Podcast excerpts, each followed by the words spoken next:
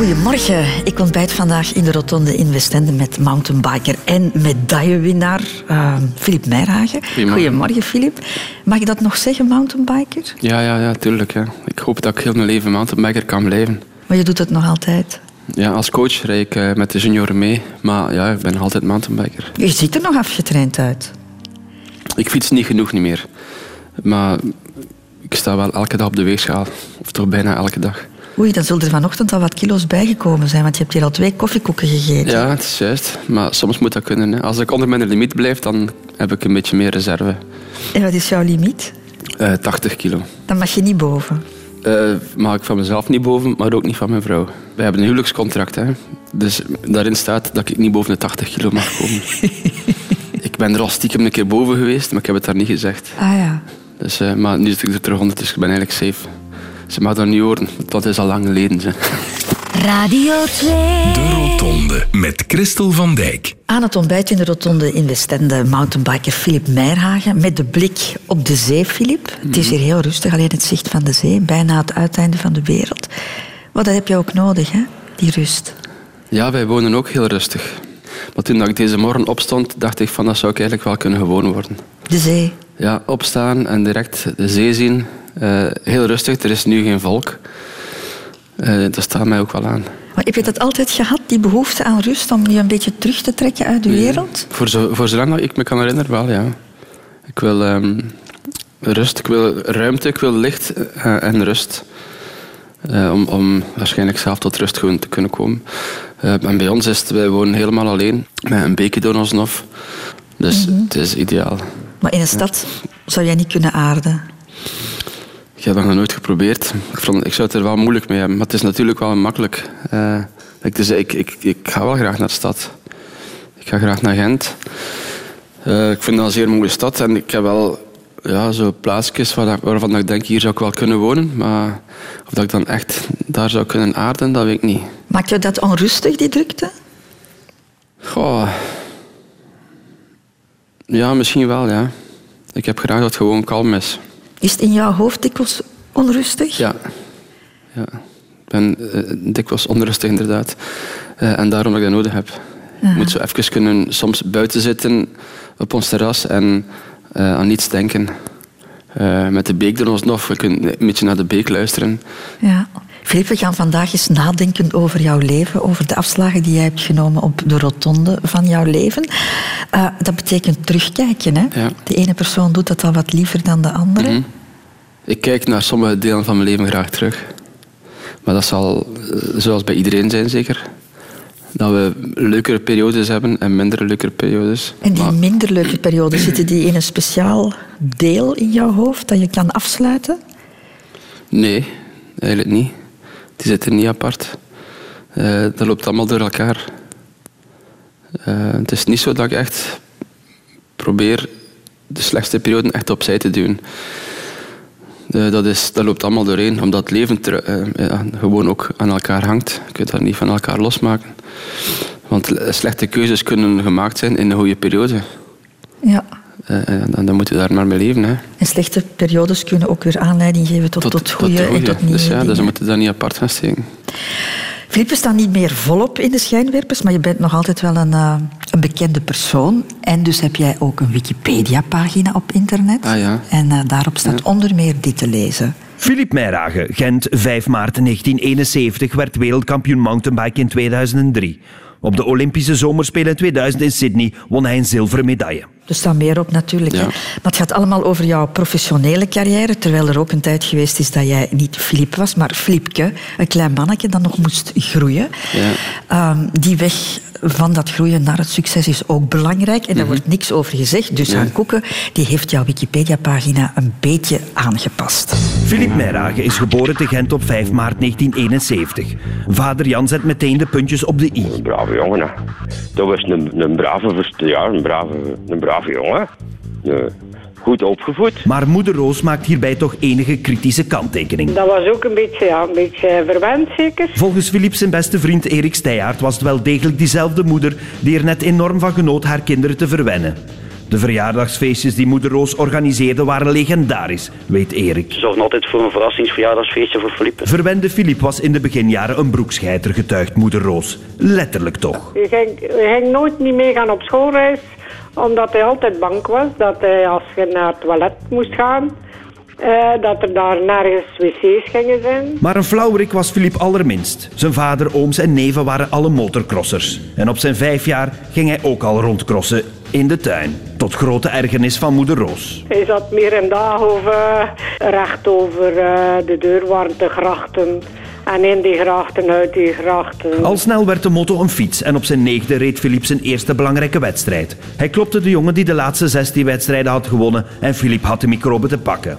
Hij ging er voluit voor, getuigd wielrenner en vriend Ronnie Poelvoorde. dat Philippe wel heel extreem was in het presteren en het trainen. En zelfs al ging het niet, dan wilde hij het nog, toch nog proberen. Gewoon gaan, no nonsense, zo is Filip. En waar je hem nog het meest van al boos kunt mee maken, is Mensen die, die rond de pot rijden of mensen die niet rechtuit zijn. rechtuit, sportief en een winnaar. Dat trok natuurlijk ook de aandacht van de meisjes, weet Erik Steijaert. Zo'n kerel, eh eigenlijk onze Philippe, die het nog goed kan uitleggen en eh hij komt er nogal goed voor ook. Dus eh, dat was zeker geen probleem. Vader Jan doet er nog een schepje bovenop. Heeft het meegebracht van Hans over de wereld. Japan, Australië, Amerika, Antwerpen. En niet enkel de vrouwen, maar ook het grote publiek viel massaal voor Philippe toen hij zilver pakte op de Olympische Zomerspelen 2000 in Sydney. En de rest is history. Voilà, Mooi, een mooi. stukje Filip uit die jeugdjaren. Jouw moeder vertelt Ja. dat je eigenlijk niet graag van huis weg ging. Nee, nee, ik was een mama's kindje. Ik was niet iemand om eh, een paar dagen weg te gaan van mijn mama. Eh, dat is dan later eh, omgeslagen in heel veel weg zijn, maar toen ik jong was, niet. Radio 2. De Rotonde. Philip Meijragen, de allereerste afslag die een mens neemt in zijn leven, een afslag die je niet kan kiezen, dat is de plek waar je geboren bent. Maar die plek bepaalt uiteraard jouw leven heel erg. Je bent de oudste van, van twee kinderen, Ja. eh, twee jongens, met een broer die meer dan acht jaar jonger is. Dat Acht is een jaar en groot half, verschil. ja. Een Groot groot verschil. verschil, ja. Hoe kwam dat? Dat moet je aan mijn ouders vragen. Hè. Ehm, ja, dat is een achterkomer. Hè. Ja, Ehm, maar wij, wij, zijn, wij, zijn, wij hebben een groot verschil, maar wij komen wel zeer goed overeen. Tuurlijk, als we, toen we kindjes waren, is dat iets anders. Hè. Eh, ik was acht jaar alleen. Eh, ik was in eerste instantie niet zo content dat ik een broertje had, want ik kreeg alle aandacht. En dan plots moest ik eh, mijn aandacht delen met mijn broer, dus daar had ik het, daar had ik het een beetje moeilijk mee. ja. Weet je nog wat je gezegd had? Ik, ja, ik weet dat nog. Ik, ik stond aan de deur eh, en ik, ik kwam binnenpiepen en ik zei: Ik ga jullie allemaal doodschieten. ja, ik was jaloers. Hè. Alhoewel, dat ik ben ook opgegroeid bij mijn grootouders tijdens de week. Hè. Maar ik had alle aandacht voor mezelf. En dan plots moet je dat delen en dat vond ik wel wat moeilijk. Ja, je hebt tot je zes jaar eigenlijk heel veel bij je grootouders Ja, gewoond. in de Alleen week- in de weekends ging je dan naar huis. Ja, in het week mijn ouders gingen werken en ik ging in het weekend naar huis. En in de week eh, bij mijn mimi en mijn pipi. En mijn neef was daar ook. Dus de zoon van mijn mama en haar zus. Dus wij zijn eigenlijk opgegroeid een beetje als, als twee broers. En eh, dat, was, dat was plezant, hè. wij konden spelen. Ik had eh, een grote broer die mij, toen ik naar school ging, naar de kleuterklas ging, mij meenam aan zijn hand naar de bus. En als de school gedaan was, hetzelfde. Dus hij, hij zorgde goed voor mij. Hij is drie jaar ouder. Maar vond je dat niet raar? Dat je zo in de- week de hele tijd bij je grootouders zat? Ik heb eigenlijk nooit eh, bij stilgestaan. Dat was normaal. Wij waren dat, wij waren dat gewoon. En wij waren bij, bij ons grootouders eh, graag. Hadden daar een grote tuin om te spelen. Ik zie, eh, een beeld dat ik altijd voor mij zie, is mijn Pippe die thuis komt van zijn werk met eh, mobilet. Een brommerke. Hij werkte bij de spoorweg. En dat zijn zo'n momenten dat wij rond vier uur of vijf uur, ik weet niet al- wat uur dat was, zaten wij te wachten totdat Pippe ging thuiskomen. En dat was altijd heel leuk. We hebben ons daar geamuseerd. En vanaf je zesde ga je eigenlijk terug fulltime bij je ouders wonen. Ehm, ja, vanaf het eerste leerjaar. Ja. En dan ga ik op school eh, naar eh, in Drongen, waar dan mijn, mijn ma nog altijd woont. Eh, en vanaf dan ga ik, ben ik, blijf ik thuis. Ja. Ja. Ja. En op je achttiende, Filip, gaan je ouders dan uit elkaar, hè? Ik heb altijd gezegd, ze moesten tien jaar vroeger gescheiden zijn. Dus dan is het teken dat het geen goede relatie was. Maar natuurlijk, dat blijft een ingrijpende verandering. Hè. Omdat dat toch, dat is een turbulente periode. Een scheiding is, denk ik, nooit gemakkelijk. Voor gelijk welke partij ook. Eh, maar ik vond dat ze wel rapper moesten gescheiden zijn. Dus in principe, dat was een grote verandering, maar dat was niet zo dat ik daar zo van gechoqueerd was. Het was zo eerder van, ja, eindelijk. Dat is wel de beste keuze dat ze kunnen maken. Ze zijn uiteraard of waarschijnlijk voor jullie ook samengebleven. Toen, Ja. Dat toen ouders Ja, eh ja. dikwijls. Hè? Ja. En daaraan kun je zien, eh, kun je echt wel de vraag stellen, is dat de juiste keuze? Om voor kinderen samen te blijven. Want als het niet gaat, als je niet gelukkig bent, of als je alleen maar ruzie maakt, dan kun je beter uit elkaar gaan. En gaan de kinderen misschien, natuurlijk, wie, gaat, wie weet het juiste antwoord, ik niet in elk geval, maar dan gaan de kinderen misschien meer aan hun ouders hebben als ze elk in hun eigen stek zijn, waardoor ze geen ruzie maken. Dat is, eh, ik denk dat dat een moeilijke vraag is. Heb jij eronder geleden, onder die eh, spanningen, onder die ruzies? Ja, onder de ruzies heb ik, eh, heb ik uiteraard geleden, ja. Dat, eh, dat bepaalde wel een groot deel van ons leven. Maar het is niet zo dat dat al daar slecht was, maar het was gewoon geen goede relatie. En jij hebt dan gekozen om bij jouw moeder te blijven wonen. Ik kwam op dat moment in elk geval beter met mijn ma overeen. Plus, zij bleef dan nog wonen in het ouderlijk huis. Dus dat was dat zeer logisch om daar te blijven wonen. Ik ging toen ook het eerste jaar naar de hogeschool.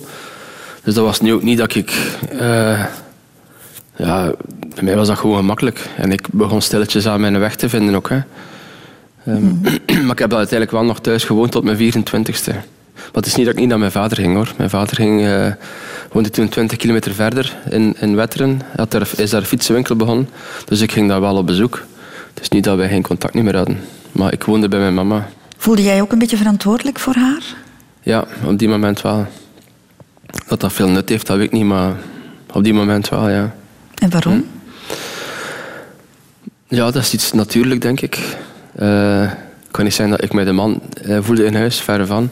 Maar je hebt zo een beetje een soort verantwoordelijkheidsgevoel, ja. Eh, als ze, ze heeft een depressie gehad, eh, toch een zware depressie gehad na die scheiding. En dan is het toch belangrijk dat er, dat er daar mensen rond zijn. Hè. Was je ook een beetje een vaderfiguur op die, in die periode voor jouw broertje? Die was nog maar tien. Hmm, ik weet dat eigenlijk niet. Alhoewel, ja, eigenlijk wel. Ik ben nog naar oudercontact geweest met hem. Is echt? En dat mijn vader en mijn moeder konden niet. Dat was toen dat ze al gescheiden waren. Hè. En eh, ja, ik, ik ging mee naar het oudercontact. Dus dan is dat toch misschien een beetje een vaderfunctie. Want ik weet nog dat ik aan die lerares... Want die was verrast. En ik zei, ja... eh, en u bent? Ik zei, ja, de vader. Dus ik keek zo naar mij van... Dat kan niet. Ik zei, ja, sorry, ja. Een accidentje. Als ik jong was. En die vrouw die heeft daar niks op zeggen. En dus we zijn, we zijn ook terug zo weggegaan, ik als de vader. Dus ja, ik heb wel een beetje de vaderfunctie opgenomen. Ja. Op dat moment wel, ja. De Rotonde. Komt uit een generatie van motorcrossers, Filip Meijerhagen. En dat was jouw eerste sport ook, hè? Op je vijfde al. Je Eh, ja. eerste mottootje. ja, ik kon met mijn voetjes niet aan de grond. Heel mijn familie van mijn vaderse kant deed trial eigenlijk. Dus mijn vader heeft motocross gedaan voordat ik geboren was. En daarna trial. Dat is zo behendigheid met de motto. Hè. En eh, ja, toen ik vijf was, had ik een eerste brommertje. Dus ik ging dan elk weekend mee eh, met mijn vader als hij naar de wedstrijd ging. En ik heb dat gedaan tot dus trial met de, met de, met de moto tot eh, mijn achttiende. Maar ondertussen, op mijn zestiende, was ik ook beginnen mountainbiken. Was je toen al zo gedreven en willen winnen? Ja, ik heb altijd gehad, als ik iets, als ik iets deed, was het om te winnen. Ehm, ik heb dat eigenlijk nog altijd. Maar ondertussen kan ik wel verliezen. En ik herken dat nu in mijn oudste zoontje Bo. Ik kan niet verliezen. Dat deed hij misschien wel een beetje van zijn papa. Aha. Ja, En dan kies je uiteindelijk voor dat mountainbiken. ja. Een verhaal van, een, van heel wat toevalligheden eigenlijk, Ja. hè? Mijn vader was vertegenwoordiger voor eh, een mottomerk, Yamaha. Ehm, en zij voerden ook eh, een mountainbike-merk in. Dat eh, heette eh, MBK. En ehm, het was eigenlijk een, een, een promodag voor mountainbiken aan de kust, waar mijn vader naartoe moest als vertegenwoordiger. Ehm, maar eigenlijk om een collega te vervangen die ziek was. En eh, ik ben meegegaan, maar ik kon dus goed met de fiets rijden, omdat ik trial deed. Dus ik had behendigheid. En die mensen die die dag hebben georganiseerd, zeiden van, amai, die gast, ik kan wel met fiets rijden. Misschien moet ik een proberen om een competitie mountainbike te doen. En zo is dat eigenlijk begonnen.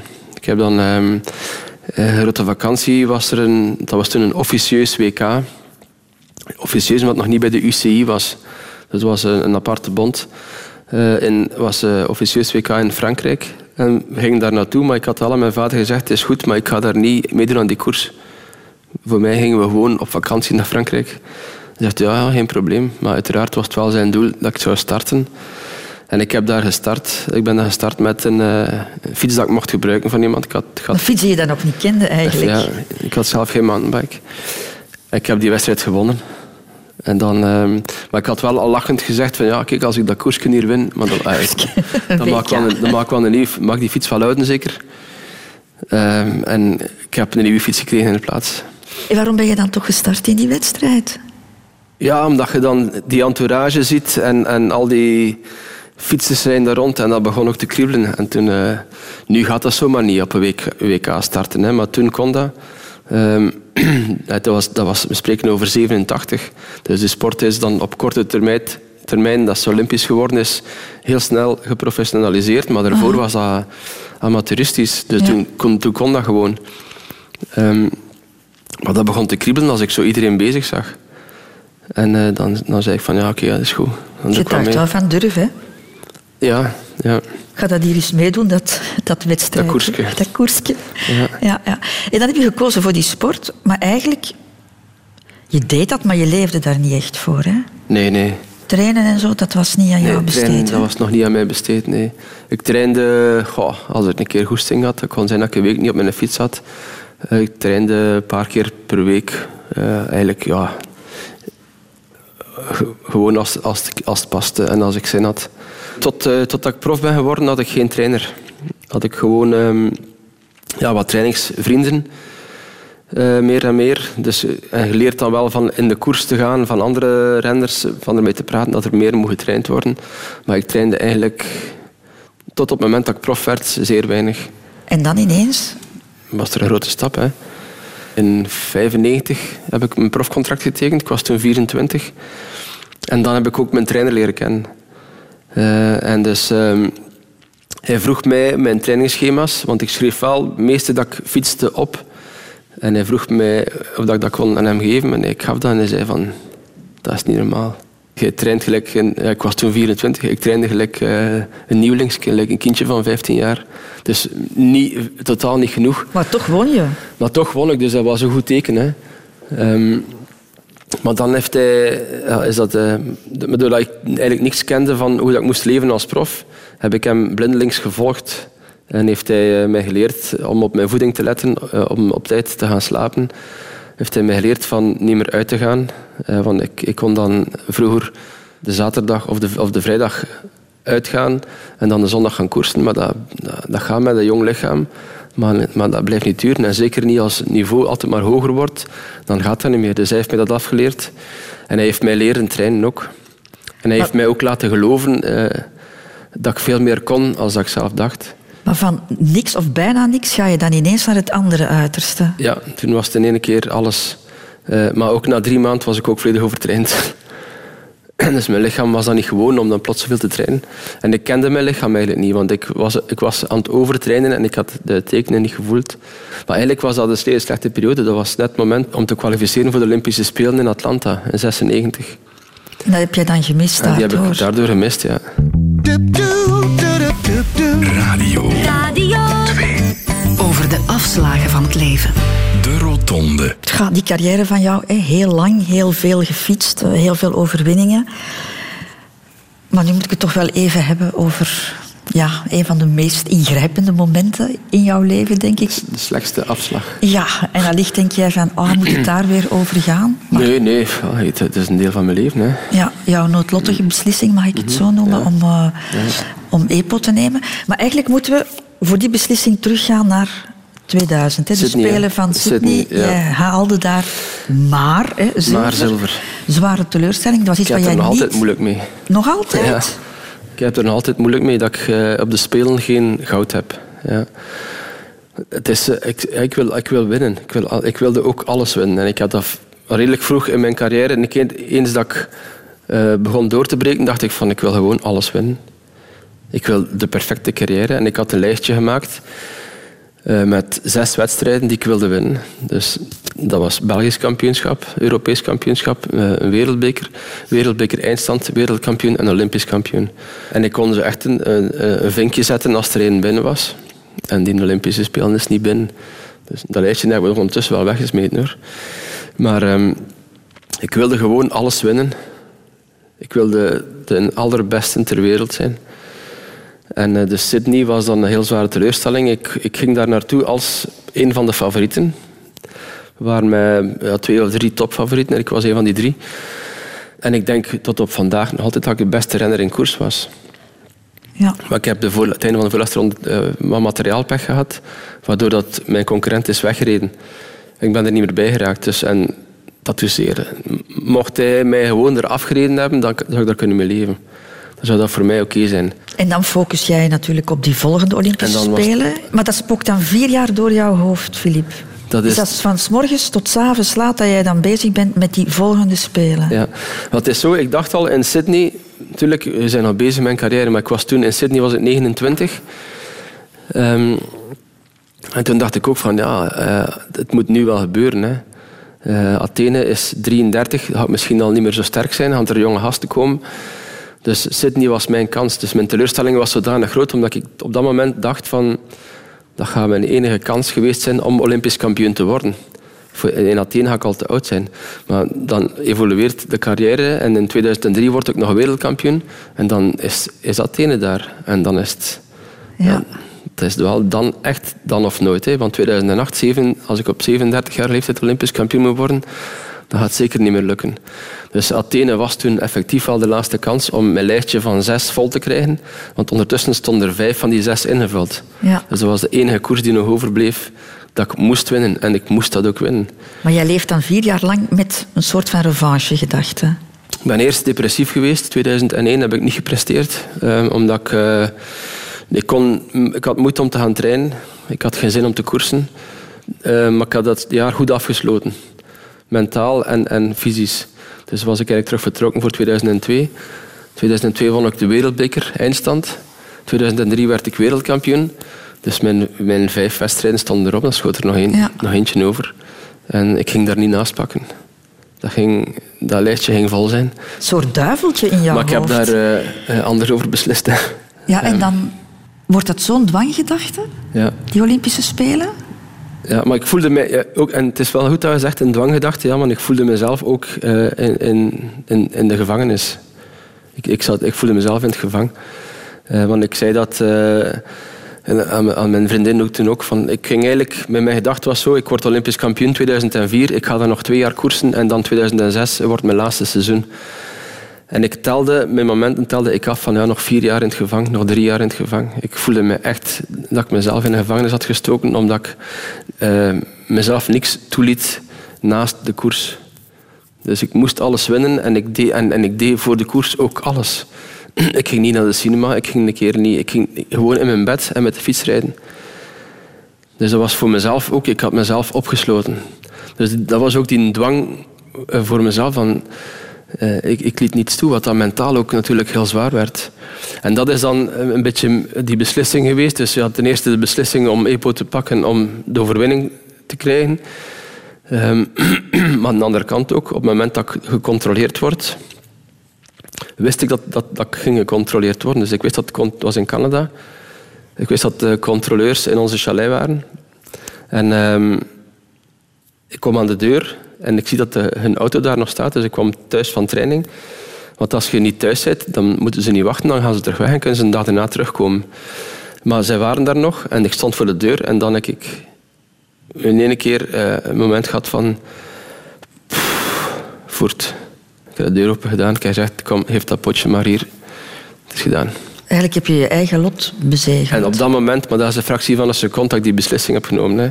Daar heb ik uiteraard spijt van. Maar um, dat was gewoon, die druk was te groot blijkbaar. En, en doordat ik, het feit dat ik, dat ik mij altijd in het gevangen heb altijd, niet altijd, maar dat ik mij lang in het gevangen heb gevoeld, dat ik zo fanatiek bezig was, um, was dat in één keer een, ja, moment van, pff, het is te veel. Die beslissing om die EPO te nemen, is dat een ingeving of is dat iets dat rijpt? Goh, Dat is, ja, rijpen is niet zo dat dat jaren rijpt, maar dat is gewoon redelijk kort. Hè, want dat is de enige koers die in de schiet dat ik moest winnen. In 2003 word ik wereldkampioen. En dat is dan die periode dat je wijst van, ja, en daar ga ik nu niet naast pakken. Dus is dan ingeving, ja, dat rijpt heel snel. Zou dat zo zijn. Ja, dat is, dat is redelijk impulsief. Hè. Er schiet nog één koers van die zes over, waar er nog geen streepje naast staat. En dan is het eigenlijk, vind ik, een logische beslissing. Maar niet de juiste beslissing, maar voor mij was dat een logische beslissing van ik pak hier geen risico. Als mijn ketting breekt, dan ben ik dat spel nog. Ja, achteraf bekeken was ik beter eh, naar huis gekomen met een bronzen medaille.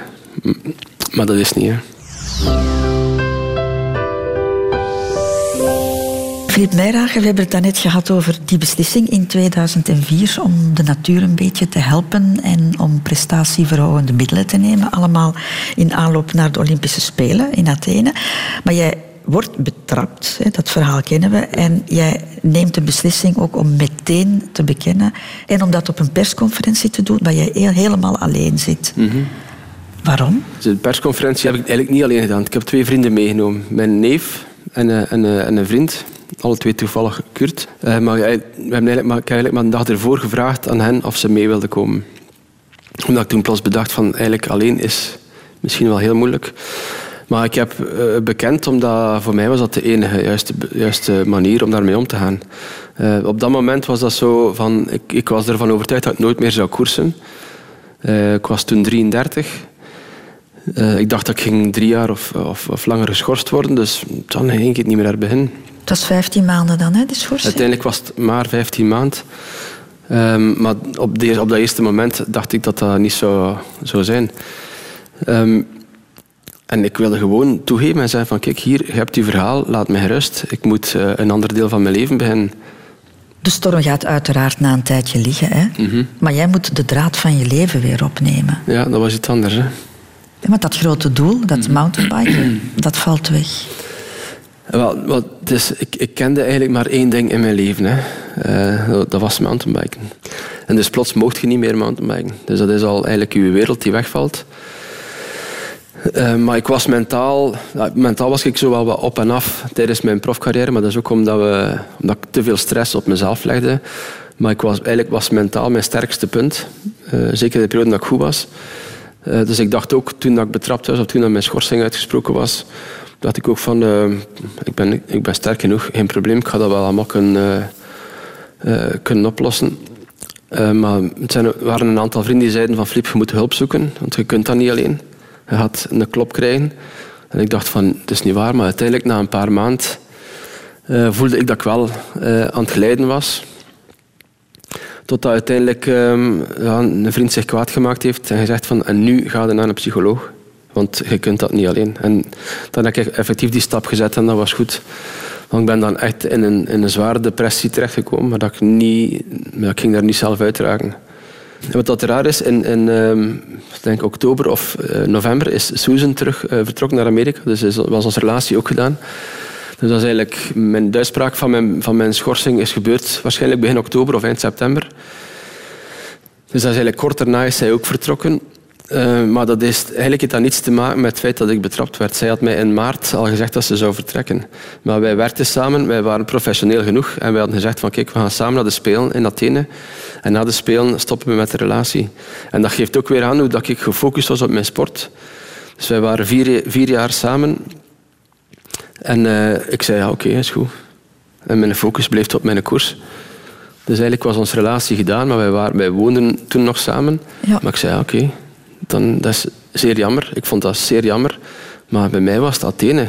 Dus dat moest even aan de kant. Eh, ik ging dat dan in de winter wel oplossen als ze ging vertrekken. Ehm, maar mijn focus was zodanig groot dat ik dacht, perfect kon mijn leven. En onze relatie liep normaal door. Dus eh, uiteindelijk dan wo- word ik dus eh, geschorst.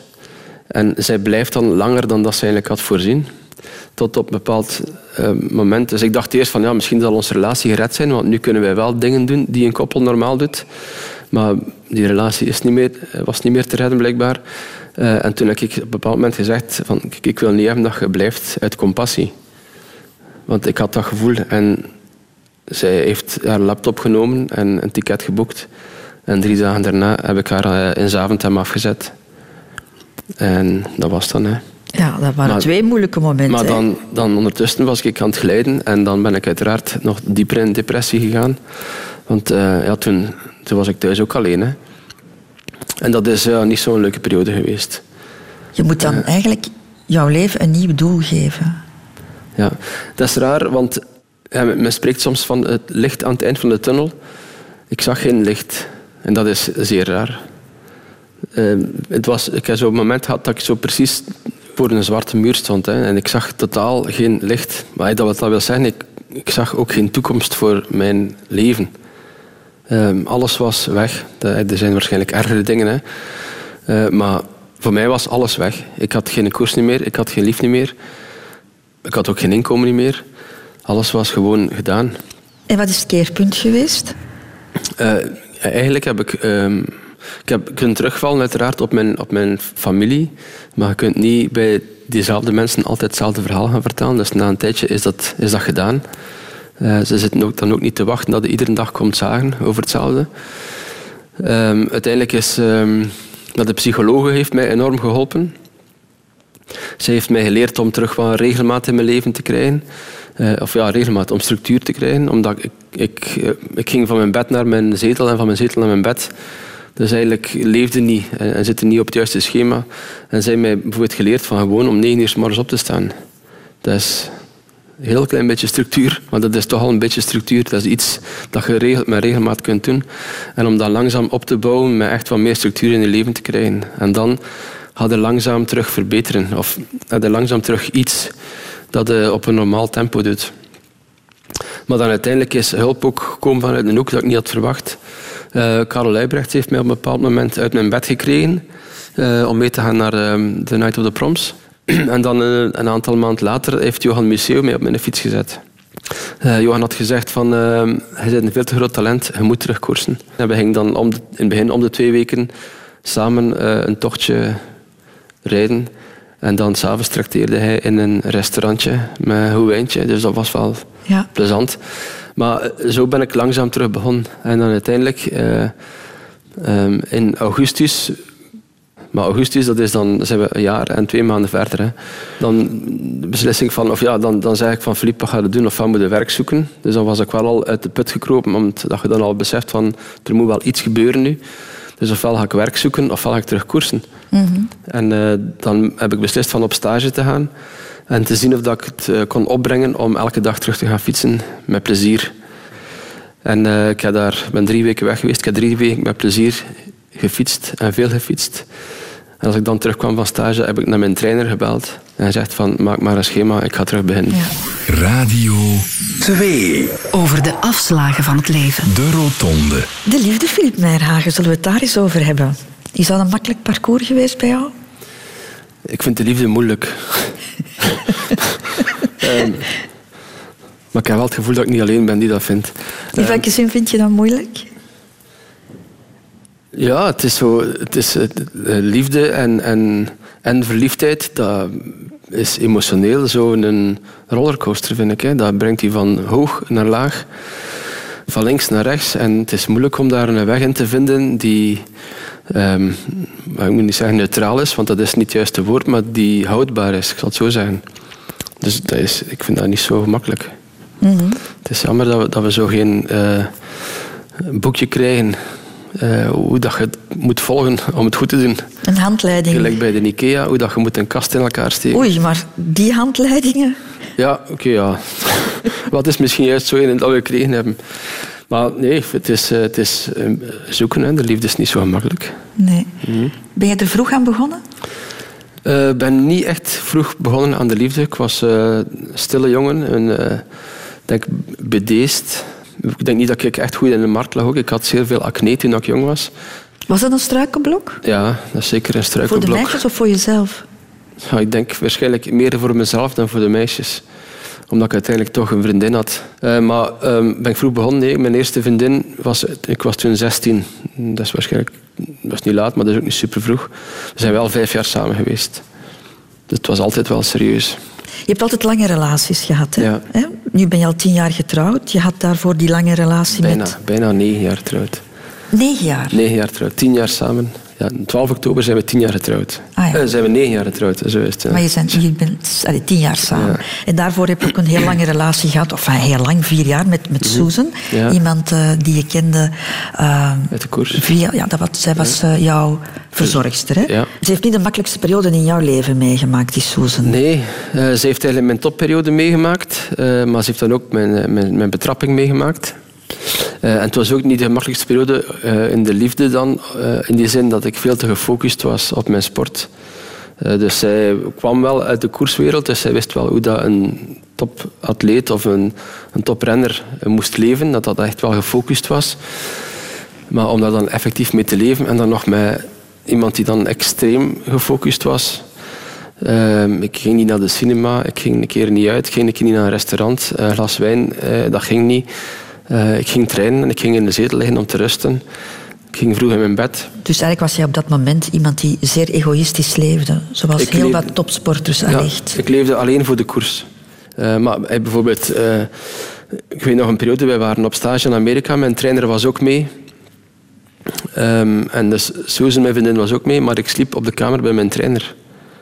En er was eigenlijk geen, geen haar op mijn hoofd die dacht dat dat niet normaal was. Dus ik was daar om te trainen, om mij voor te bereiden voor een WK. En ja, dat was voor mij de beste oplossing dat ik bij mijn trainer op de kamer zou slapen. Dan was ik op mijn gemak. Kon ik mij focussen op mijn training en op de koers.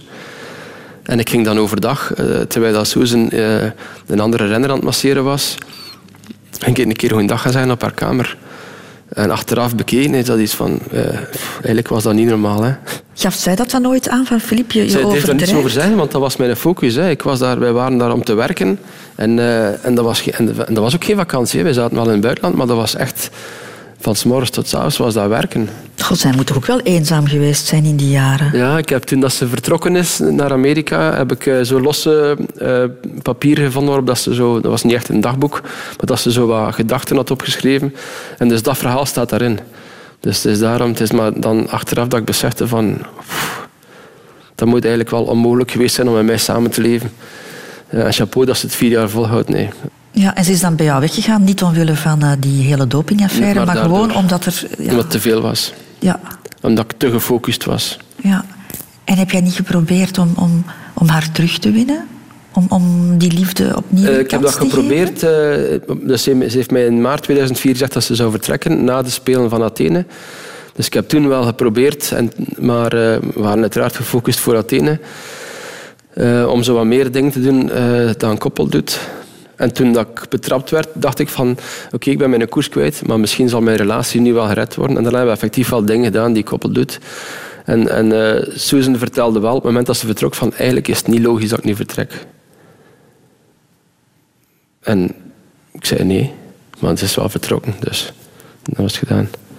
Maar het is, we, hebben, we hebben geen ruzie gehad. We hebben eigenlijk, eh, lijkt nu ook, wij mailen soms nog naar elkaar. Of eh, als ze in België toevallig is, dan gaan we iets gaan eten.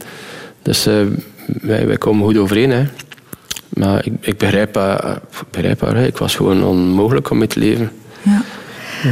Dan passeerden er nog een aantal vrouwen die we allemaal gaan overslaan. Ja. Hè? Is dat goed? Dat is zeer goed. En, en dan is er, eh, is er Kelly, hè, met wie je ondertussen eh, tien jaar samen bent.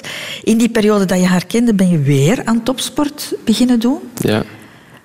Had je dan geen schrik om in dezelfde val te trappen?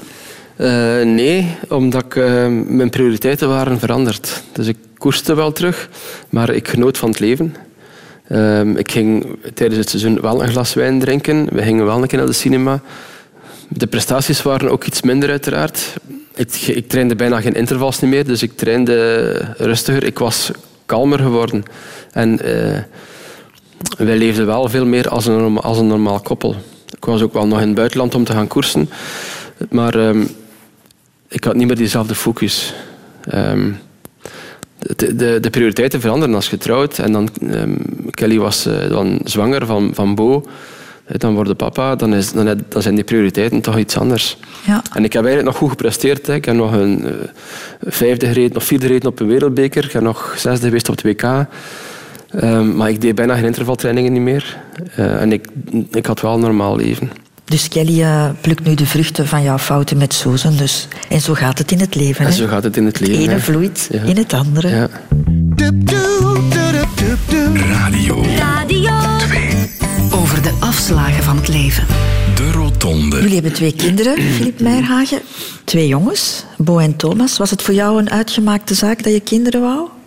Ja, ik wilde graag kinderen, ja. Ehm, ik, heb, ik was degene die aan Kelly vroeg eh, voor kindjes. En, en niet omgekeerd. Maar Kelly was uiteraard akkoord. maar ik heb eh, als eerste die vraag gesteld. Eh, nog voordat we getrouwd waren zelfs. Eh, dus ja, voor mij was het wel een uitgemaakte zaak dat ik kindjes wilde.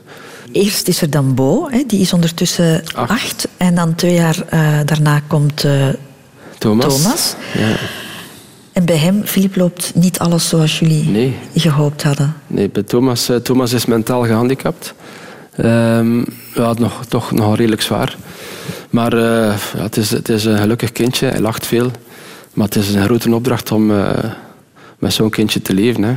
Het is ehm, eigenlijk alle plannen dat je maakt, of alle toekomstbeelden dat je hebt voor een kindje, je moet de streep doortrekken. Met zo'n kindje net geen verwachtingen. En moet je proberen te leven van dag tot dag, wat dat zeer moeilijk is. En probeer niet te kijken naar de toekomst. Maar uiteindelijk, als ouder, kijkt je altijd van...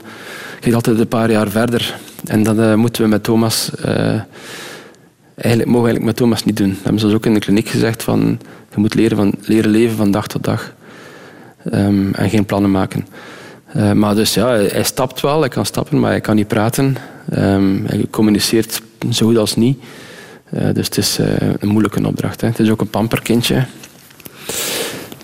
Maar het is een lieve, hij lacht zeer veel. Er wordt hele dagen in huis muziek gespeeld. Waardoor dat Bo, onze oudste zoon, ook hele dagen loopt te zingen.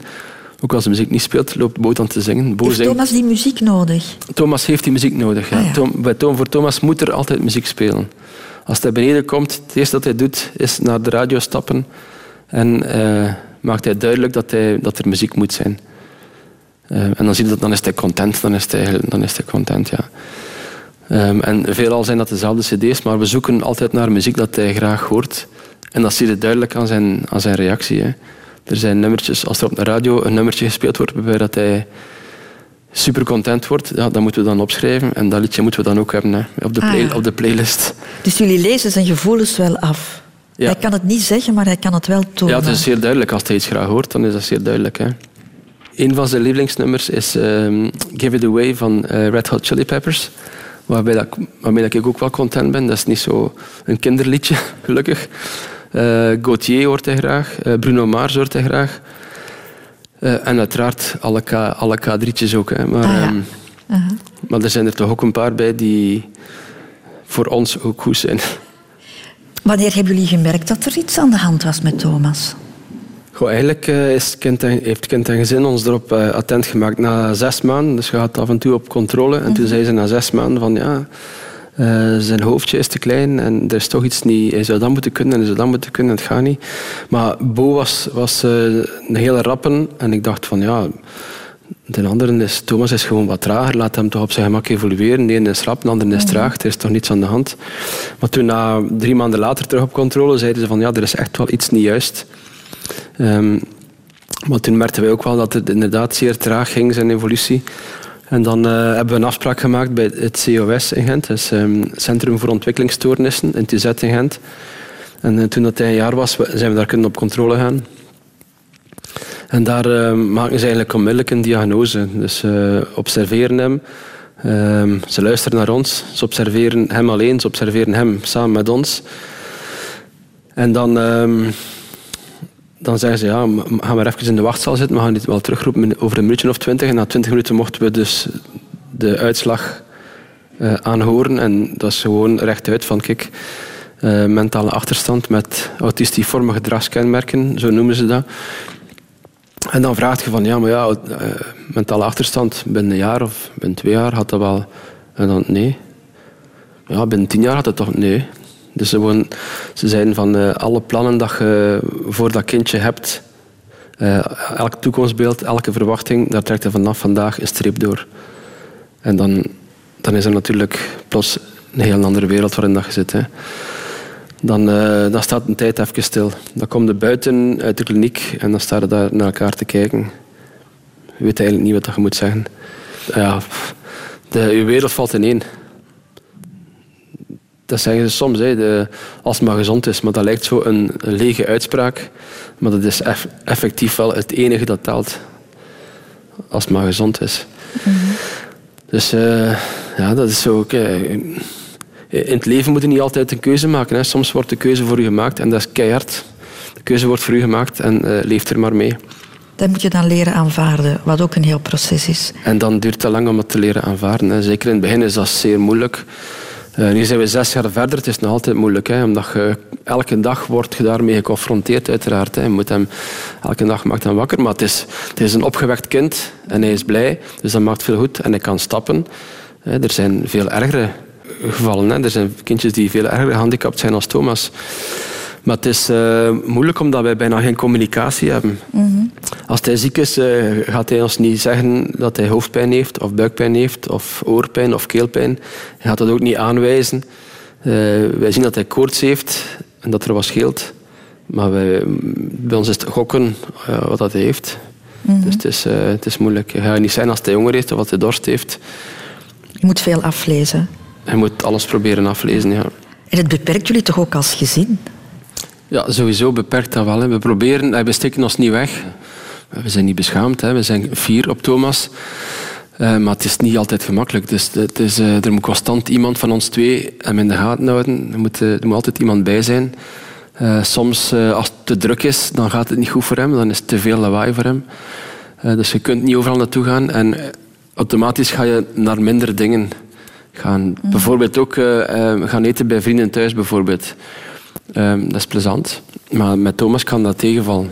Dus het gebeurt, dan hebben wij liever dat ze bij ons komen. En dat gebeurt soms dat, dat we dan zo gezegd daar gaan eten, maar het gebeurt bij ons. Wat dat wil zeggen dat ze dan bij ons koken. En ze brengen alles mee. Maar dan kan Thomas op tijd in zijn bed. Ehm, hij kent ons huis, dat is zijn territorium. Dus daar is het gemakkelijk. En inderdaad, hij bepaalt voor een groot deel het tempo van ons leven, of eh, voor een groot deel ons leven. Als sporter moest jij kijken op lange termijn, moest je plannen en nu moet je leven van dag tot dag. Ja, en dat is zeer moeilijk om nu te leren leven van dag op dag. Mijn vrouw kan dat beter. Filip Merhaag, ik ben ook op bezoek geweest bij iemand die jou heel goed kent. Hij is eh, jarenlang jouw mechanicien geweest, maar, belangrijker misschien nog, hij is ook al jarenlang jouw jongere broer. Mhm. Ik ben naar David gegaan en ik moet zeggen, je hebt een fantastisch lieve broer. Ja, Echt waar. En hij geeft zonder omwegen toe, jij bent zijn grote, grote broer en jij bent ook zijn grote voorbeeld. Ik denk dat iedereen naar zijn grote broer opkijkt. Dat was een voorbeeld voor mij. En ik probeerde ook te doen zoals Philippe. En ik denk dat het zo gekomen is dat ik dan in het vroeger ook beginnen koersen ben. Eh, natuurlijk niet zo like Philippe, maar eh, ik heb dat ook gedaan. Dus keek ik op naar hem, zeker weten. Is het erg als jouw grote broer in iets beter is dan jij? En nee, ik was trots. Moest je jaloers zijn, dan is dat nu moeten bewijzen. Dan moet je hetzelfde doen en moet je proberen beter te worden. Wat vind jij zelf de beste eigenschap van je broer? zijn doorzettingsvermogen. En alles wat hij doet, dat hij nu in de politiek zit, of is dat nu koersen, of is dat nu de coach zijn. Alles wat hij doet, doet hij met volle overgave. En dat, dat doe ik mij niet vooraf voor zo iemand. Ja. Is hij ook koppig dan? Die kan wel eh, op zijn strepen staan. Ja. Hij zal koppig zijn, ik weet dat niet. Dat is misschien volharden of zo. Hij weet wat hij wilt. En als hij iets wil bereiken, gaat hij er alles aan doen om het te bereiken. En dat siert hem. Zo zijn er niet veel, denk ik. Het zijn er veel mensen die het proberen. Hè. Maar Filip kan het wel. Wat vind je minder leuk aan hem? Ja, wat vind ik minder leuk aan hem? Is dat soms een beetje eh, wisselvallig kan zijn, zijn humeur. Een goede dag, een minder goede dag. Eh, en dat hij dat soms durft uitwerken tegenover andere mensen. Ja. Is dat een slechte eigenschap? Ik weet dat niet. Dat is misschien ook een, eh, een mooie eigenschap of een goede eigenschap. En zeg het wel dat op staat. Is dat nu een slechte eigenschap? Dus hij zegt van gedacht, rechtuit, hè, zonder de doekjes om te winnen. Ja. Kan hij het ook verdragen dat je dat tegenover hem doet? Oeh. Eh, subtiel misschien.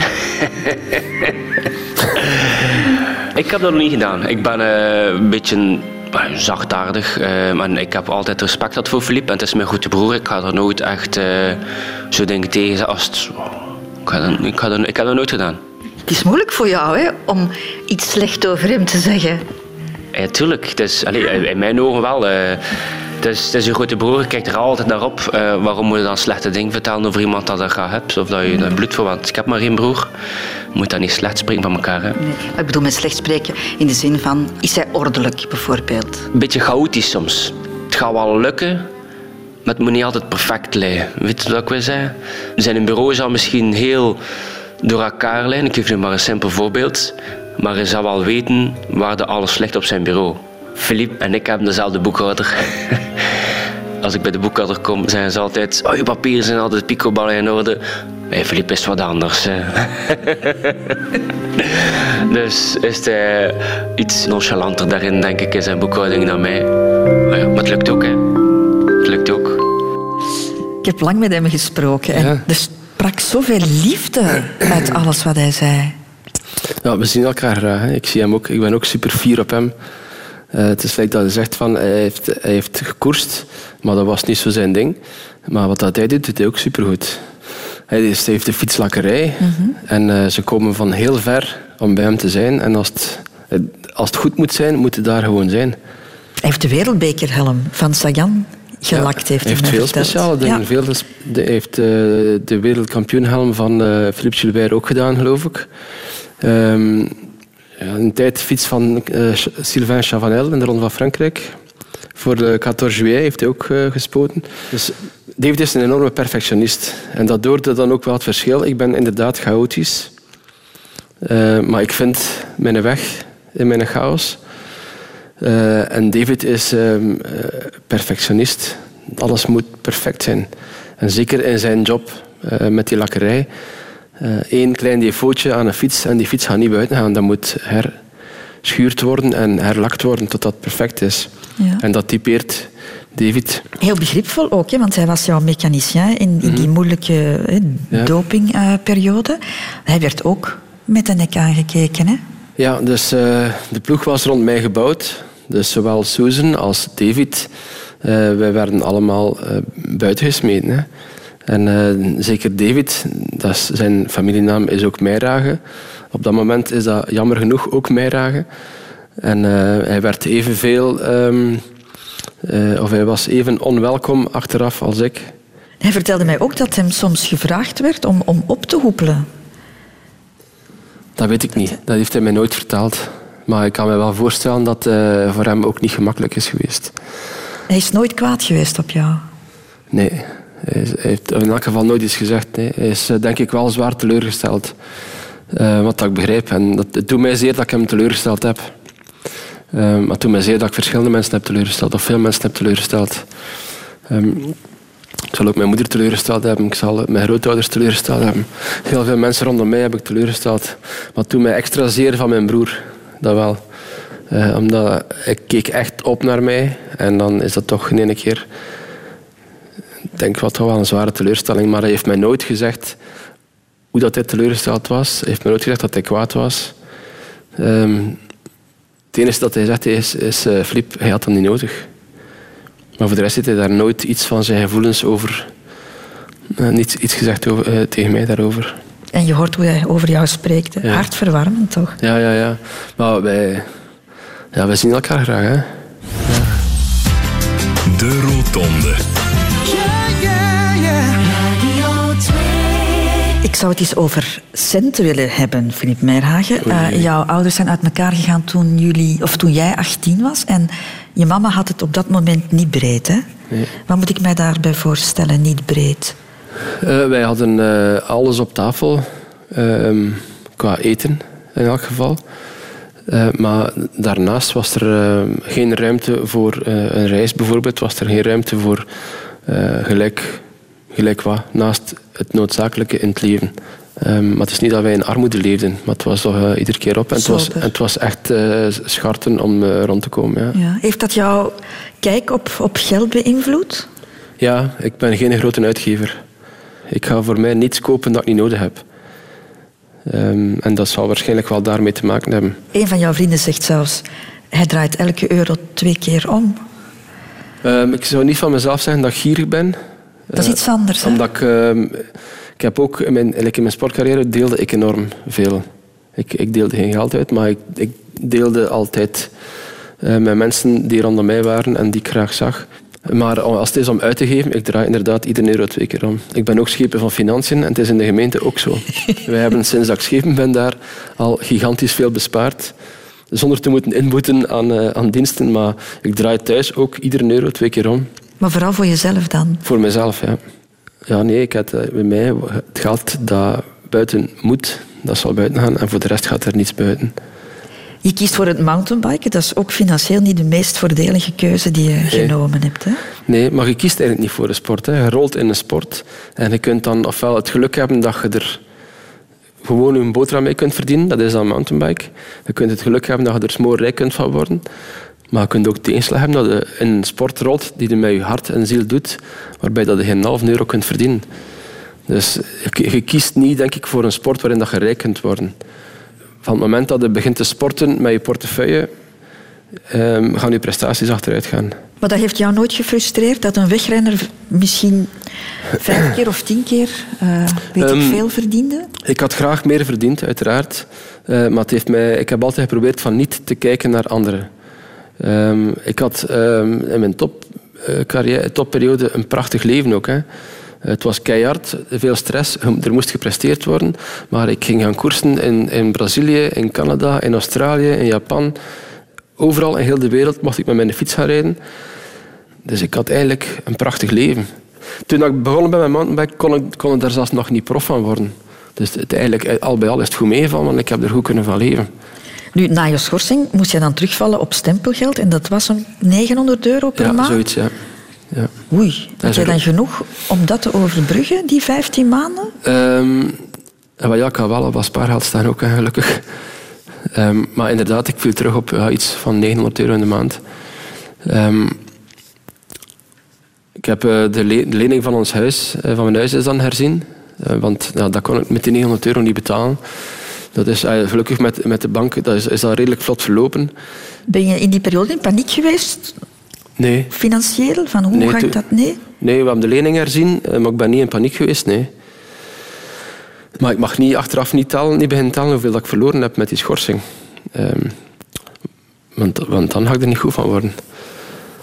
Dat zijn, het zijn daar veel meer gevolgen aan dan alleen maar, een eh, alleen maar een depressie. Een depressie was meer dan genoeg, maar het komt er nog veel bij kijken. Hè. Ik had een deftig contract, alles valt weg natuurlijk. Hè. Ehm, ik heb processen gehad. Eh, dat zijn allemaal dingen die mij veel geld gekost hebben. Radio 2. De Rotonde. De allerlaatste afslag, Filip Meijerhagen, is ook een afslag die wij niet kunnen kiezen. Dat is de dood. Hm? Kan ik zeggen dat jij er ooit al eens dicht hebt bijgestaan? Want je bent toch eens ongelooflijk gevallen in een ravijn in 94 in Oostenrijk. Ja, maar ik heb daar niet, dicht, niet bij de dood gestaan, denk ik. Die jong die mee was, dacht dat ik mors dood was. Het was een jong die dat zien gebeuren. Nee. Maar ik was eh, ja, in een ravijn gereden met de fiets. Eh, redelijk snel, eh, maar ik heb, daar, ik, heb daar eigenlijk gewoon heel veel geluk gehad. Ik had niet eens, niet eens één bot gebroken, maar ik ben wel even... ehm, ik heb wel een half uur gelegen, denk ik ongeveer. Tot ze mij komen zijn met de ziekenwagen. Maar dat was een auto die tegenstroom naar boven reed. Terwijl dat er nog officiële trainingen waren op een parcours. En die had zich dan niet aangetrokken. Dus ik kom achter een bocht. Die auto komt vlak voor mij. En ik moest kiezen. Op zo'n moment denkt je enorm rap. Dat is raar. Als je zo in zo'n situatie komt, dan denkt je precies... eh, eh, op een halve seconde denk je voor een half uur tijd, bij wijze van spreken. Dus alle opties passeren. Eh binnenkant bocht kan het niet uit, want ik kwam veel te snel af. Dus ik moest ofwel knal midden op die auto rijden, wat dat niet goed afloopt over het algemeen. Ofwel moest ik gewoon in de ravijn en ik wist wat dat erachter kwam. Ik wist dat er, dat er daar grote rotsblokken lagen, dus ik moest gewoon gaan en hopen dat ik niet op zo'n blok zou landen. En ehm, toen, je ziet dan op het moment dat het begint te springen, dacht ik, dacht ik van ja, dat is goed. De landing ja, ik zal wel vallen, maar ik ga niet op een rot zitten, dat het al goed is. Maar die auto reed tegen mijn achterwiel. Dus ik ben er nog rondgeslingerd en ik ben dan op mijn rug op een rots geland. Gelukkig op een vlak stuk. En ehm, die auto heeft dan ook vluchtmisdrijf gepleegd, of de chauffeur van de auto. Ehm, en die gast die dat zien gebeuren, die kwam naast mij staan, zo bleek als een lijk. Eh, al schuddend en bevend. En die dacht dat ik morsdood was. Ik, ik, eh, ik lag te roepen, maar mijn, long, mijn longen waren toe geweest. Maar eh, uiteindelijk niets. Hè. Ja. Drie dagen daarna gekoerst. Is de dood iets waar jij schrik van hebt? Ja. Vroeger niet, maar nu wel, omdat ik mijn twee zoontjes heb. En ik wil daar zijn voor mijn twee zoontjes. En geloof je dat er iets is na de dood? Nee. Vroeger wel. Vroeger geloofde ik dat er iets was na de dood. Ik geloofde in reïncarnatie vroeger, ja. en die ommekeer Ja, kan je ook niet verklaren. Nee. Dat is een evolutie zeker. Vroeger geloofde ik daar zeer sterk in. En dat is langzaamaan verdwenen totdat het in één keer helemaal weg was. Dat is Ja, want je niet- verdiepte jou is- ja, zelfs ja, ja, daarin. Je had er hele boeken over Ja, gelezen. dat is niet één evenement die zegt van nu geloof ik er niet meer in. Dat is gewoon met de jaren is dat verzwakt en is dat ehm, tot op het punt gekomen dat ik, als, dood is, als je dood zit, zit het dood. Dan is het gedaan. Heel wat sporters zijn bijgelovig. Mhm. Was jij dat ook? Ehm, niet sterk. Ehm, heel klein beetje, eh, omdat ik niet wilde dat er bijvoorbeeld een fles champagne meegenomen werd voor de koers al, om een overwinning te vieren. De koers moest eerst gereden worden. Maar het was wel zo dat bijvoorbeeld de verzorger of de verzorgster naar de bevoorradingspost had zij een rugzak mee met de kleren voor het podium. Dus, maar dat is omdat je op niveau presteert waarbij dat je nogal licht op het podium staat. Dus dat je direct na de koers kunt een verse koerstrui aandoen en, en je podiumpetje en je podiumbril. Dus dat podiumgrief was wel altijd mee. Dus in, ja, oké, ja, dan, soms had ik wel van eigenlijk ik liever dat je die dan, dat niet mee hebt, maar praktisch was dat gewoon gemakkelijker dat, het podium, dat de podiumkleren al mee waren. Eh, maar voor een fles champagne meedoen, daar geloof ik niet echt in. Maar voor de rest ben ik niet bijgelovig. Ik heb ook eens gelezen dat jij begraven wilt worden en niet gecremeerd. Ja, daar ben ik ook veranderd van gedacht. Ook veranderd. Ik cremeert mij maar. Ja. Ik wil graag gecremeerd worden en eh, geen kerkelijke dienst. Niet meer begraven. Nee? De mens evolueert, hè. Ehm, nee, ja, het is, eh, het is properder, het is gemakkelijker. Eh, het pakt minder plaats in. Praktischer. En waar moet jouw as bewaard worden? Eh, daar zal eh, de nabestaanden moeten over beslissen. Maar geen speciale wensen op dat gebied. Voorlopig nog niet, nee. Voorlopig niet. Je hebt nog wel wat, hè? Normaal gezien? Dat weet je niet, hè. Normaal gezien. Normaal gezien wel, ja. Als alles normaal verloopt wel. Radio Radio Over de afslagen van het leven. De Rotonde. Filip Meijerhagen, ik vond het heel fijn om met jou te ontbijten. Ik vond het een heel fijn gesprek ook. Je hebt hele mooie dingen gezegd over, eh, over de liefde, over eh, de liefde voor kinderen, ook al is het niet altijd even makkelijk, over loslaten en ja, hoe de ene gebeurtenis de andere gebeurtenis in het eh, leven kan beïnvloeden. Dus ik wil jou heel hartelijk bedanken voor die wijsheden toch wel. Het was graag gedaan. Voor mij was zeker even leuk. Is het echt? Ja, ja. Ah, ben ik blij. Dan ben ik blij. Mag ik jou nog één ding vragen dan, Filip? Dat is eh, om het gastenboek even in te vullen. Oké. Christel, bedankt voor de prachtige bed and breakfast ervaring. Gisteravond een prachtig voorgesprek, of laat ons zeggen, gewoon een zeer leuke en gezellige babbel. Een goed bedje en wakker worden met zicht op zee. Graag wil ik ook voor volgende week reserveren. Met zicht op zee, een lekker ontbijtje en een ontspannende en leuke babbel. Proficiat met jullie manier van werken. Het werkt perfect.